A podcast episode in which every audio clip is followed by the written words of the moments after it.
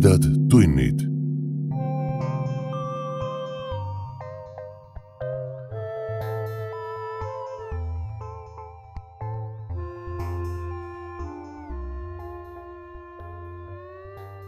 tere, hea ulmesõber. sa hakkad kuulama kolmandat osa meie suvisest järjejutust. ühtlasi on tegemist viimase osaga Maniakkide tänava ulmeloost Koletis kosmoses. kui sattusid siia juhuslikult, siis soovitame alustada esimesest osast. kõhedat kuulamist.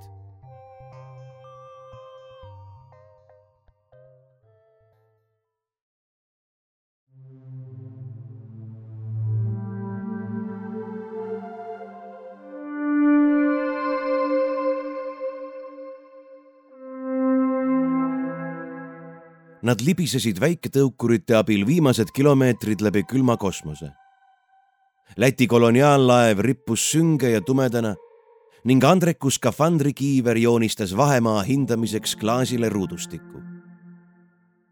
Jauns Sakumsil polnud näha ainsatki valguskiirt ja vaid selle keresse lõhutud augud kumasid tumedalt ja ähvardavalt. Andrek pigistas kahe käega oma impulsspüssi, kuigi teadis, et selle efektiivne laskekaugus on vaid viiskümmend meetrit ja selle mõju tulnukorganismile teadmata. võis olla, et see ei mõjunud koletisele üldse. siis oleks ta sama hästi kui palja käsi. kasvava õudusega silmitses ta Läti laeval liigutavaid kombitsaid ja ootas iga hetk rünnakut. kuid Briesmiks ei sikutanud oma haarmeid lätlaste laeva muserdatud kerest välja ega sirutanud seda üle tühjuse, et neid krabada ja lödiks pigistada kord siin, kord seal võpatas üks ja teine jätke, kui laeva kadunud kombitsa otsad selle sisemuses midagi tegid. mida nimelt, ei olnud võimalik öelda. ainus, mis Andrekut julgustas, oli teadmine, et murelil on maanduri impulsskahur nende toetamiseks välja sihitud. surnud kummituslaev kasvas nende ees ja sedamööda, kuidas lähenedes aina laiemaks muutuv keeratas neid laeva kerel askeldava kolli eest varjas, muutusid ka Andreku hingetõmbed veidi rahulikumaks. tema kõrval liugles selle õuduse poole kiiu. Nad jõudsid keeratta juurde, ühildasid sellega oma kiirused ning puudutasid siis skafandrite magnettaldadega ratast. kõik on rahulik Briesmiks püsib nagu enne. teavitas neid murel. raskete, ettevaatlike sammudega lähenesid nad lüüsile ja uurisid seda.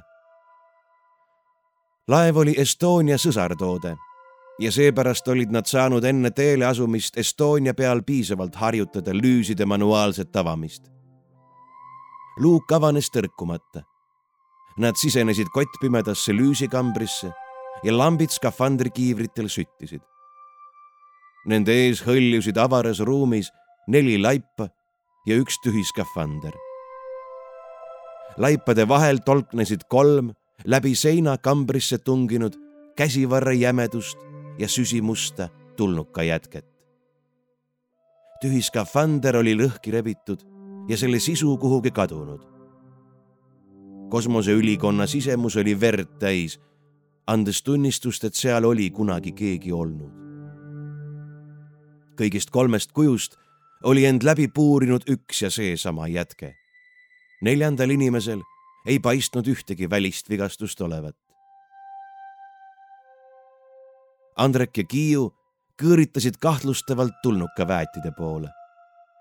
kuna laibad hõljusid lae all, lülitasid nad oma magnettallad välja tõukasid end pealtnäha terve inimese juurde ja tegid kindlaks, et skafandris olnud inimene oli surnud hapnikupuudusesse. selle põhjal otsustades oli ta end siin päris kaua edukalt kaitsnud, kuid põgeneda peale avakosmose ei olnud kuhugi.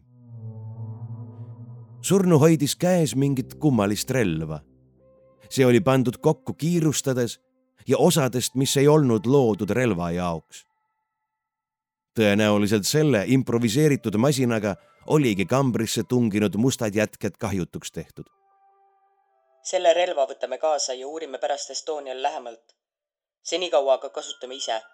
vähemalt on teada, et see mõjub sellele elukale. Kiiu püüdis relva surnult kätte saada, kuid selle käed olid krampunud ja avaldasid vastupanu. Andrek liikus senikaua sisemise lüüsiukse juurde ja vajutas lülitile. Surnud tulnukas oli temasse veidi julgust süstinud. lüüsiluuk libises kõrvale ja Andrekule vajus avanenud uksest peale must sünkjas mass. Andrek ehmatas, karjatas ja avas oma impulsspüssist tule. talle tundus, et relv ei tööta, sest kambris valitsevas vaakumis ei kostnud ühtki heli. kuid siis nägi ta, kuidas mustad jätked aina rabedamaks muutusid ja tükkideks pudenesid. jäta, need on surnud, ütles Kiiu vihaselt.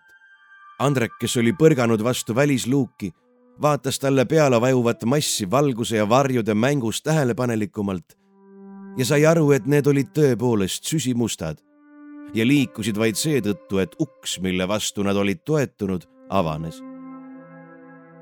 küll ära ava enam ühtegi ust enne, kui me mõlemad selleks valmis oleme, selge? selge, selge. vähemalt relv mõjub Nad vaatasid poolt ukseava täitvat massi. kui nad siitkaudu edasi läheksid, siis peaksid nad otsima teed läbi selle segadiku, teadmata kuskohast ja millal võib ilmuda süsimusta asemel tumepruun jätke ja nad läbi torgata. Kiiu vangutas pead. mul ei ole mingit tahtmist siit uksest edasi minna. Andrek oli temaga nõus. mul ka mitte otsime äkki väliskestast mõne augu. mõni võiks olla, see koht on täiesti sodiks torgitud. on täitsa olemas. teatas Murel. tulge välja, ma juhatan.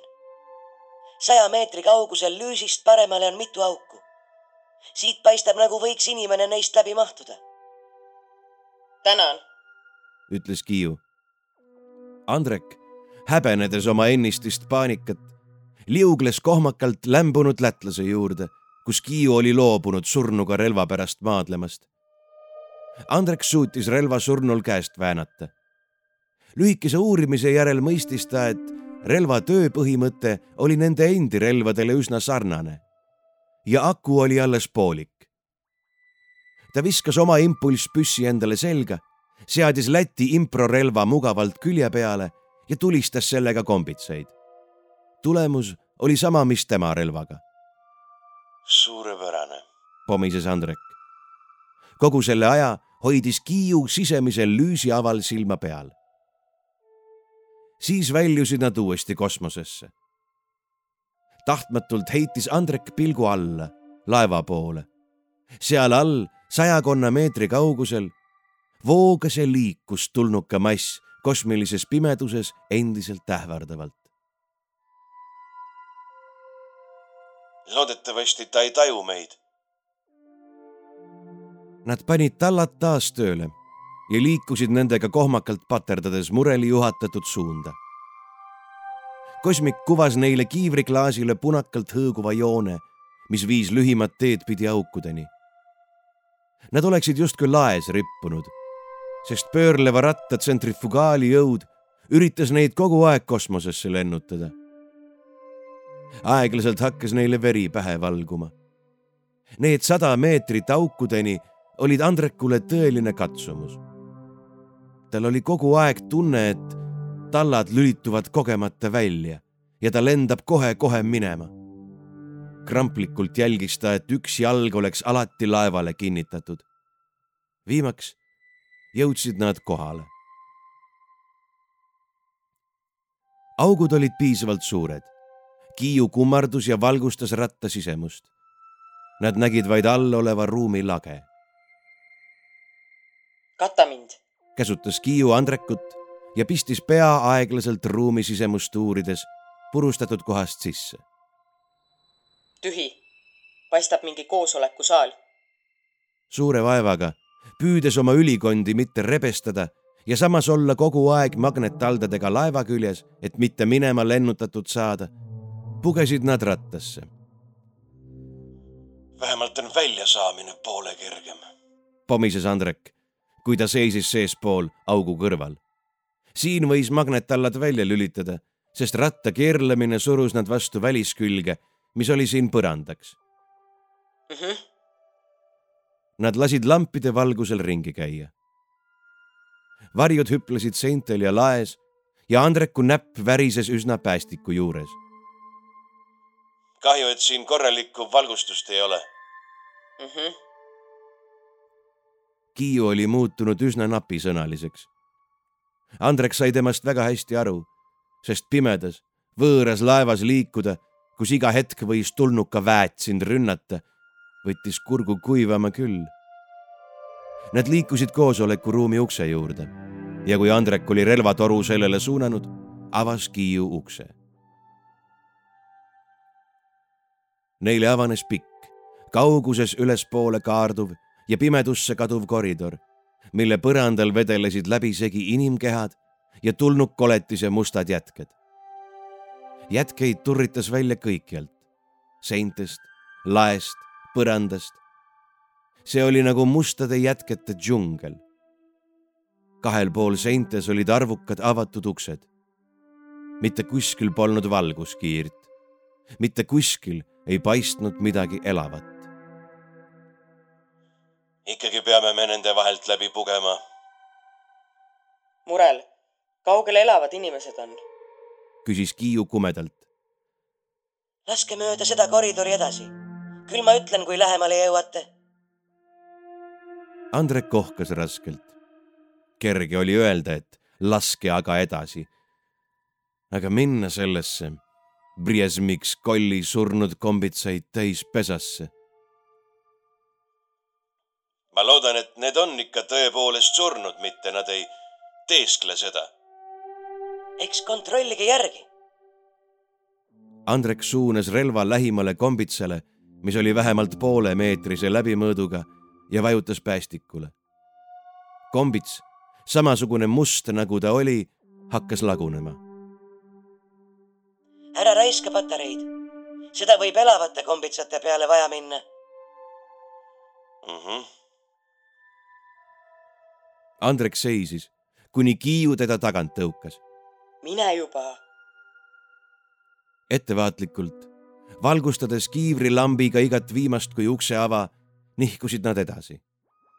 kõikides kõrvalruumides olid seadmed, masinad, tünnid, katseklaasid, seiskunud robotid, surnud inimesed, süsimustad jätked, augud seintes, laes ja põrandas.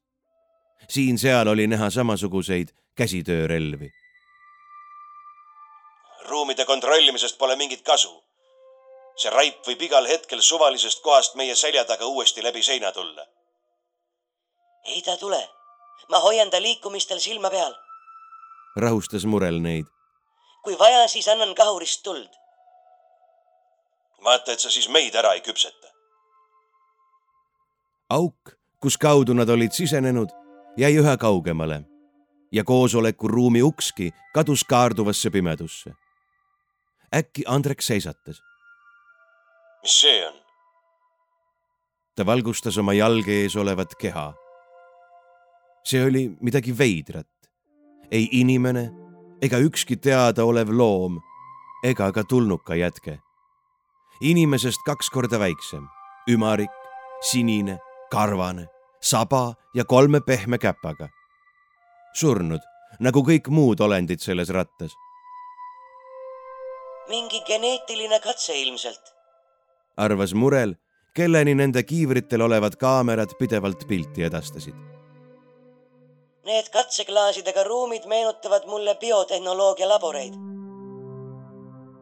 loodetavasti ei aretanud nad siin midagi sellist, mis võiks meid rünnata. Sellest tulnukast täiesti piisab. ma ei välistaks midagi. olge tähelepanelikud. Andrek tundis, kuidas ta peanahk kippus kihelema. Nad liikusid edasi ja avastasid järjest uusi, kõige imelikuma välimusega olendite surnukehi. paljud neist olid jätketest läbi puuritud, mõned lõhki kistud. Nende vahel oli üksikuid inimeste surnukehi samasuguses seisundis. kui mõni neist Läti geneetikaebarditest on ründamisaldis, siis madistab ta ilmselt kuskil mõne jätke kallal ja teeb teie elu lihtsamaks. arvas Murel. Andrek kurises. juhul, kui nad pole sellega mesti löönud. sa, Andrek, ei ole just positiivselt meelestatud. hoian ootused madalal, siis pole vaja ebameeldivalt üllatuda. eespool on valgus. Nad seisatasid. lülitame lambid välja. mine tea, mis elukaid seal võib olla. koridor vajus pimedusse. hirm pigistas Andreku südant, kui ta vaatas kauguses kumera käigu lõpus ühest kõrvaluksest kumavat valgust. see ei tulnud laelampidest. Selleks oli kuma liiga nõrk, edasi, müksas Kiiu teda. Nad hiilisid ettevaatlikult lähemale. mõlemad valusalt teadlikud, et nad möödusid kahest mustavast ukseavast, ilma et oleksid saanud neid valguse puudusel üle kontrollida. kuid Murel kinnitas, et kõik jätked, mida tema aparaadid näitavad, on nende sektsioonis täiesti surnud. tõepoolest ei rünnanud neid keegi. uks lähenes piinavalt aeglaselt ja nad pidid hoolega ette vaatama, et ei koperdaks maas vedelevatele surnukehadele. viimaks olid nad ukse juures. selle ees oli osmoosmembraan ja aeglaselt surus Andrek sealt pea läbi ja piilus uksest sisse. see oli taas mingi labor, kuid seekord mitte sugugi välja surnud. ruum oli täidetud pikkade lauaridadega, mille taga toimetas usinalt terve hulk roboteid. robotite ees alustel olid korrapärases mustris katseklaasid. masinkäte poolt juhituna välkusid pipetid väsimatult siia-sinna. valgus, mida nad näinud olid, tuli masinate kontrolltulede vilkumisest. Andrek võpatas, kui labori kaugemast osast ilmus hämarusse vibalik skafandris kuju, kes käis automaadi juurest automaadi juurde ja täitis nende mahuteid. tema kiiver oli peast ära, mis tähendas, et ruumis oli hingatav atmosfäär. inimene, midagi mõtlemata astus Andrek ootamatut kergendust tundes ruumi. võõras ehmatas, pillas käes olnud kanistri maha ja haaras seljalt Andrekule tuttava relva. Andrek tahtis käed üles tõsta, kuid veel enne, kui ta seda teha jõudis, tabas tema skafandrit nähtamatu energeetiline impulss. liitreaalsuse pilt Andreku kiivriklaasil väreles ja kadus. skafander tema seljas unnatas ja kõik selle süsteemid surid. alles nüüd taipas võõras, et ta oli tabanud inimest. Ta langetas ehmunult relva ja tormas Andreku juurde. see tundis õudusega, kuidas ülikonna hingamissüsteem ei andnud enam värsket hapnikku peale ega juhtinud süsihappegaasi minema. ülikonda kergemaks muutev eksoskelett aga oli samuti tardunud liikumatuks, muutes niiviisi ka Andreku halvatuks suutmata enam kätt ega jalga liigutada, kaotas mees tasakaalu ja vajus otseti ettepoole. Viimasel hetkel, enne kui ta näoklaasiga põrandat tabas, jõudis võõras kohale ja püüdis ta kinni. Andreku selja tagant ilmus läbi membraani Kiiu, kes taipas ühe pilguga, mis oli juhtunud, tõmbas oma skafandri ranitsast välja päästevooliku ja ühendas selle Andreku kiivri päästemoodulisse. sisinal hakkas õhk jälle liikuma ja Andrek kuulis Kiiu häält. elus, napilt.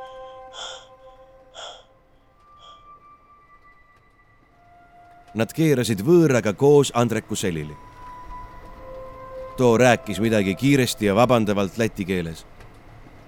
Kiiu raputas pead ja teatas talle inglise keeles. me oleme Estonialt. ah. alles nüüd märkas võõras saabujate skafandri õlgadel sinimustvalgeid embleeme. võimatu oli kirjeldada tema hääletooni. Lätlane oleks suurest meeleliigutusest peaaegu oma keele alla neelanud. kui lausus ülepaisuvate tunnete kätte lämbudes inglise keeles. jumal küll, jumal küll, jumal küll. ta ei suutnud mitte midagi muud öelda ja korrutas seda aina uuesti ja uuesti. vii meid teiste ellujäänute juurde. käsutas Kiiu teda. kas ta saab siin kuskil selle risu seljast maha ajada? Lätlane noogutas ja korrutas siiski ainult üht ja sedasama. jumal küll, jumal küll, jumal küll. eetrist kostis kellegi kolmanda lätikeelset küsimust ja kuskilt tagantpoolt ilmus veel üks erakordselt suur skafandris kuju. ka tema kiiver oli avatud ja sealt vaatas vastu noore mehe nägu, täis uskmatust ja kirjeldamatut rõõmu. eestlased. Skafandris lätlane, suur nagu mürakas, tormas Kiiu juurde ja püüdis teda kallistada, kuid Kiiul polnud tema embustega asja. jäta! su sõber kärsatas mu kaaslase skafandri ära. mürakas vaatas Andrekut ja tema mustaks tõmbunud seadmeosadega ülikonda. ta võib skafandri ära võtta. tagantpoolt saame talle uue. ma aitan selle maha võtta. Nad haarasid kahekesi Andrekust ja aitasid ta surmalõksuks muutunud ülikonnast välja. teine lätlane aga istus kõik see aeg maas, vahtis neid ja kordas muudkui. jumal küll, jumal küll. kui kiiver avanes tundis Andrek ruumis valitsevat jahedust ja kohutavat lehka. lätlane viipas neid endaga kaasa ja viis robotiridade vahelt läbi. seal oli veel üks osmoosväljaga kaetud uks. Nad surusid end sellest pool läbipaistvast väljamembraanist läbi uude sektorisse. hais jäi maha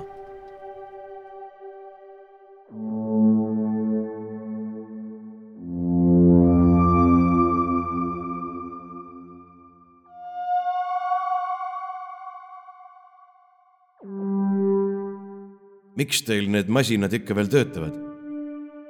vanem lätlane, kelle nimi oli Monta Almonas, laiutas käsi. me loome seal viimaseid lätlasi. peale minu ja poisi on kõik teised hukkunud. Andrek kergitas kulme. praegu?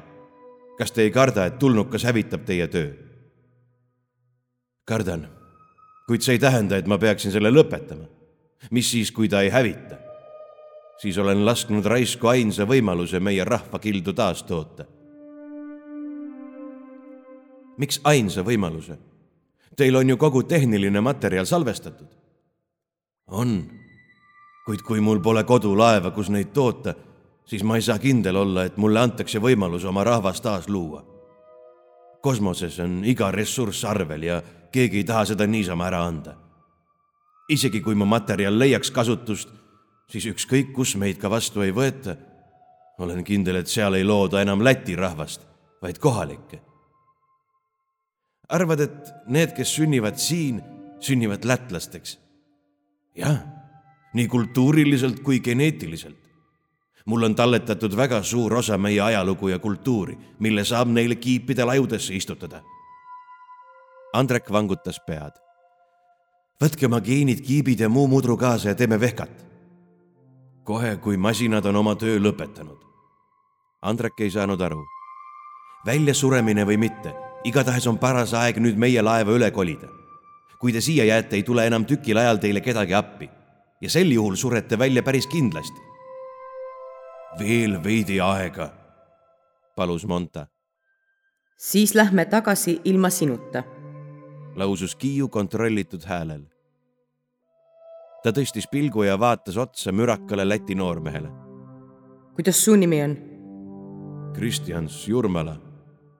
Kas sa, Kristjans, jääd ka siia robotite töö lõppu ootama või tuled meiega? noormees vaatas suurte ehmunud silmadega Monta poole, kuid see hoidis oma pilgu Kiiul. tähelepanu! kostis kõrvale tõstetud skafandrikiivrist mureli hääl. koll on end liigutama hakanud kas olete valmis lahkuma? ta vist üritab taas G-rattasse pugeda. mureli jutu jätkuks kostis läbi G-ratta kume kumin. Kristjans neelatas, Andrek samuti. Kiiu ja Monta pidasid pilkude duelli. ma tulen teiega, ütles Kristjans, tubli mürakas. noogutas Kiiu. Monta ohkas, kargas püsti ja hakkas äkki sebima. olgu, võtame oma asjad ja lähme. Murel sekkus jälle nende jutu vahele ärge unustage näidist sellest Priesmiksist. Monta viskas ühe konteineri Andrekule. juba olemas. Andrek kaalus kasti käes. elus või surnud? surnud. tahad minna elusalt tükki võtma? Andrek ei tahtnud ja kinnitas konteineri skafandri külge. vastik oli isegi surnud peast hoida enesele nii lähedal tükikest seda olendit. ma saan oma kahuriga teid natuke toetada. Ratast ma ei julge lasta, aga annan tema muude osade pihta tuld. ehk juhib see tema tähelepanu kõrvale. väga hea. noogutas Kiiu. Monta ainult urises, toppides mingit konteinerit täis. ta käsutas läti keeles noormeest ja see tormas ringi, kuhjates omakorda mingeid asju pisikesse konteinerisse. Andrek tundis, kuidas tal lähenevat kuminat kuuldes ihukarvad üle kogu keha püsti tõusid. Miks kuradi pärast ei olnud neil asjad juba ammu ilma pakitud? kas nad ei uskunud, et pääsevad? kuskilt eemalt hakkaski kostma kogu laeva täitvale kuminale lisaks ka paljude pisikeste kehade sebimist. Monta kuulatas. Priesmiks pole veel see kõige suurem oht, teatas ta. Kiiu võttis kiivri ja tõmbas selle pähe. Andrek järgis ta eeskuju. Pole kõige suurem? jah, lahti pääsenud geneetilised eksperimendid on hullemad. enne istusid hirmunult vagusi, aga kuulake. nüüd, kui see jõletis liikvele läks, hakkavad ka need mööda ratast ringi lippama ja ohutut kohta otsima. koll on aeglane, nemad kiired. sammu müdin aina lähenes, on nad intelligentsed? küsis Andrek. ei. on nad ohtlikud? Teoreetiliselt ohutud, kuid praeguses seisus mina nende teele ette ei tahaks jääda. olen näinud, mis sai nendest, kes ette jäid, ainult räbanad. lätlased said oma konteinerid täis ja kinnitasid need skafandrite külge. siis klõpsasid nemadki kiivrid pähe. paljude jalgade tümin aina lähenes ja siis oli see kohal tulevad, Kristjans, Monta, Andrek ja Kiiu pöördusid sissepääsu poole ja jõudsid vaevalt relvad sinna suunata, kui osmoosvälja taha ilmusid karglevad varjud. mõne hetke pärast surusid need endid juba hulgana vastu välja ja esimesed olendid ilmusid nähtavale. Nad olid väikesed, inimesele ehk põlvini ja kõikvõimalikes variatsioonides, andke tuld, lausus Monta ja näitas esimesena eeskuju Nad kõrvetasid väikseid värdjaid kõigist torudest. vaat see on alles ajujaht, mõtles Andrek. midagi sellist ei ole ma veel kunagi teinud. Nende relvade turmtuli toimis. olendeid kukkus tõmmeldes karjadena ukse ette maha, hakates seda kohe ummistama. suuri ja väikesi, karvaseid ja paljaid, kõigis värvides. tundus, et lätlased ei olnud geneetiliste manipulatsioonide pealt kokku hoidnud lisaks hoolimata Monta kinnitusest paistsid mõned olendid siiski omavat mingit intelligentsi, sest nähes, mis nende liigikaaslastega juhtus, tõmbusid nad tagasi ja sööstsid otsima teist teed. teised surusid aga juhmi järjekindlusega laborisse sisse. siis kostis hirmus krägin ja Andrek nägi, kuidas üks sein aegamisi sissepoole kummus. sellesse tekkisid mügarikud mis aina enam metalli koolutasid, kuni see järgi andis. ettevaatust, hüüdis Kiiu Kristjansile ja too jõudis napilt eest, kui ruumi hakkasid venima Briesmiks tulnud ka jätked. samal ajal jõudsid need ilmselt ka pisiolendite sekka, sest seal läks hirmsaks kisaks ja rünnakuvool ruumi suurenes. hoidke ust, me võtame jätked. karjus Monta ja koos Kristjansiga suunasid nad oma torud tulnuka kombitsate poole. äkki avanesid Briesmiksi kombitsates seni varjul olnud avaused ja kombitsad hakkasid pumpadena endasse ruumis olevat õhku imema.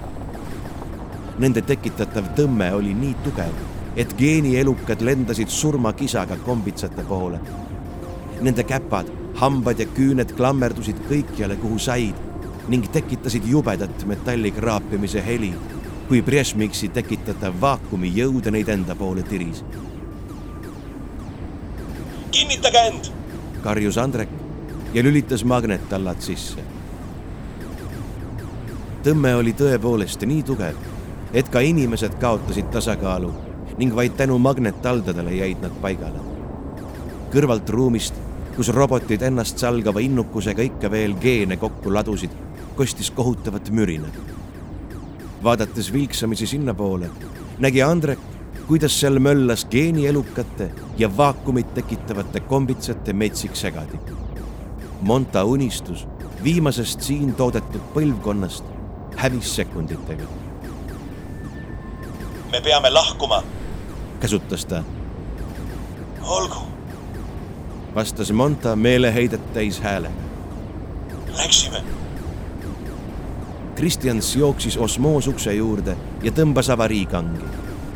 suur terasklaasist paneel nende jalge alt lendas minema ning selle külge magnettaldadega kinnitunud inimesed koos sellega. Andrek vabastas magnetid ja eemaldus plaadist. teised järgisid tema eeskuju.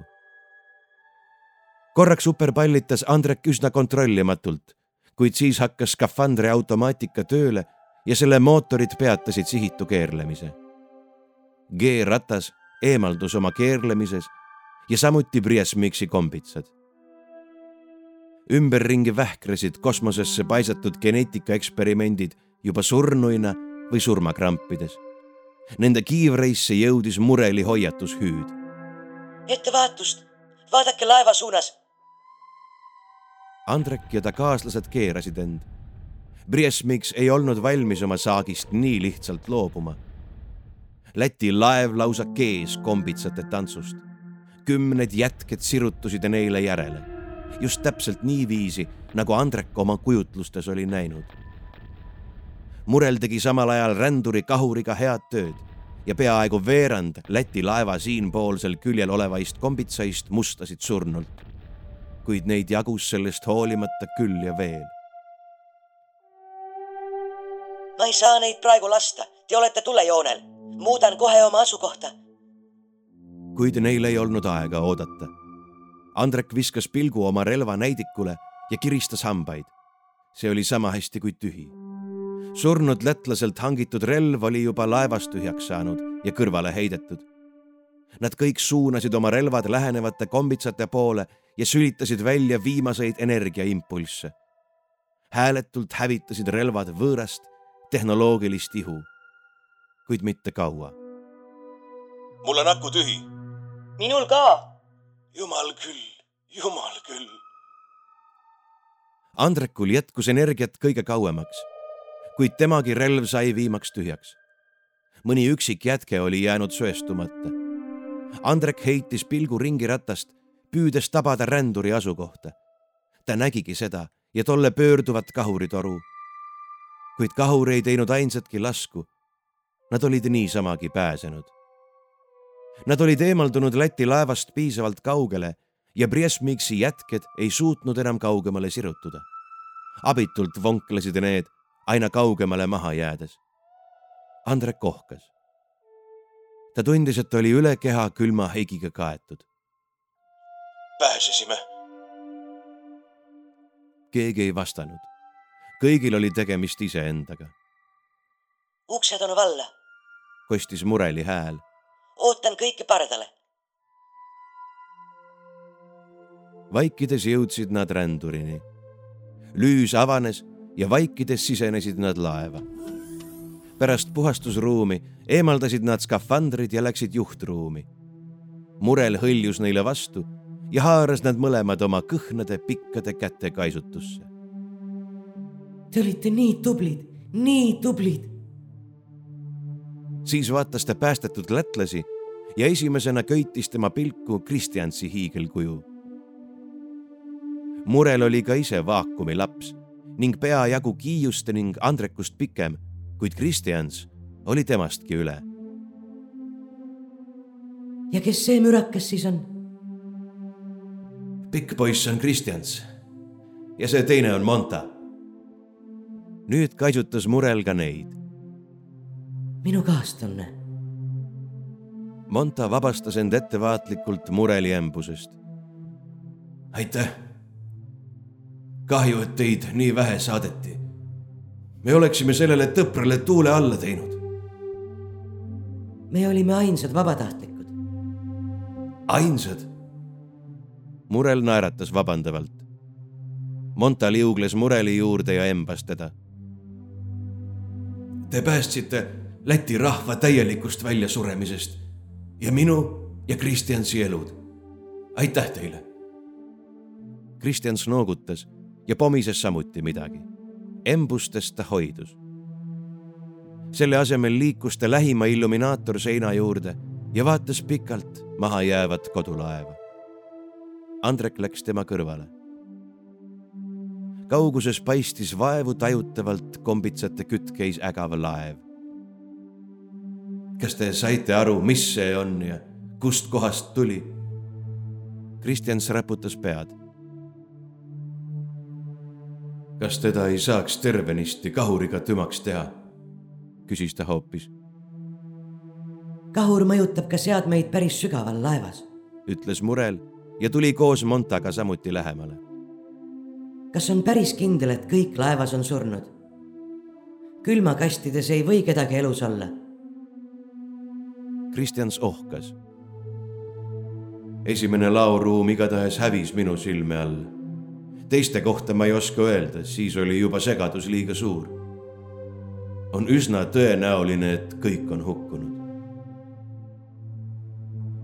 me ei tea selle olevuse eesmärke ja ülesannet, ütles Monta. võib juhtuda, et ta siiski ei tapnud ega hävitanud kõiki. igatahes liikus ta laevas teatud ettevaatusega. muidu oleks Jaun Sakums ammu täielikult hävinud ja tükkideks rebenenud. las ta siis praegu jääb. meil pole piisavalt energiat, et teda täiesti hävitada. ühel päeval tuleb siia uus ekspeditsioon. murel tõukas end illuminaatorist eemale. ma lähen keeran otsa kodu poole. meil on pikk tee ees. Teised olid kõik ikka veel illuminaatori juures, kui raskusjõud tuli hiilides tagasi ja tõmbas nad laeva põrandale. Nende kaalutlusega harjunud luudi liikmed naksusid selle peale ja sisikonnad seadsid õigetesse paikadesse, põhjustades kerget iiveldust. võtke kohad kiirendustoolides sisse. varsti anname korralikult tuld. kostis mureli hääl. rändur keeras nina kohtumiskursile Estoniaga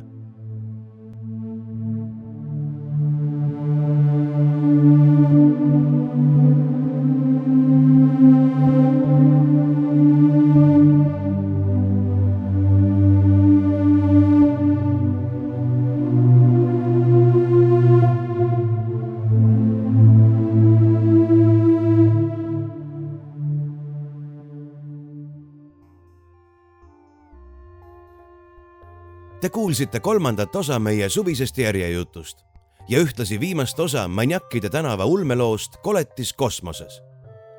Kristjansi ja Andreku seiklused jätkuvad juba järgmisel nädalal, kui algab järgmine jutt, Maniakide tänava täheprogramm. kui sa ei malda nii kaua oodata, mine lehele patreon.com kaldkriips tumedad tunnid ja kuula tervet juttu juba praegu. kõhedate kuulmisteni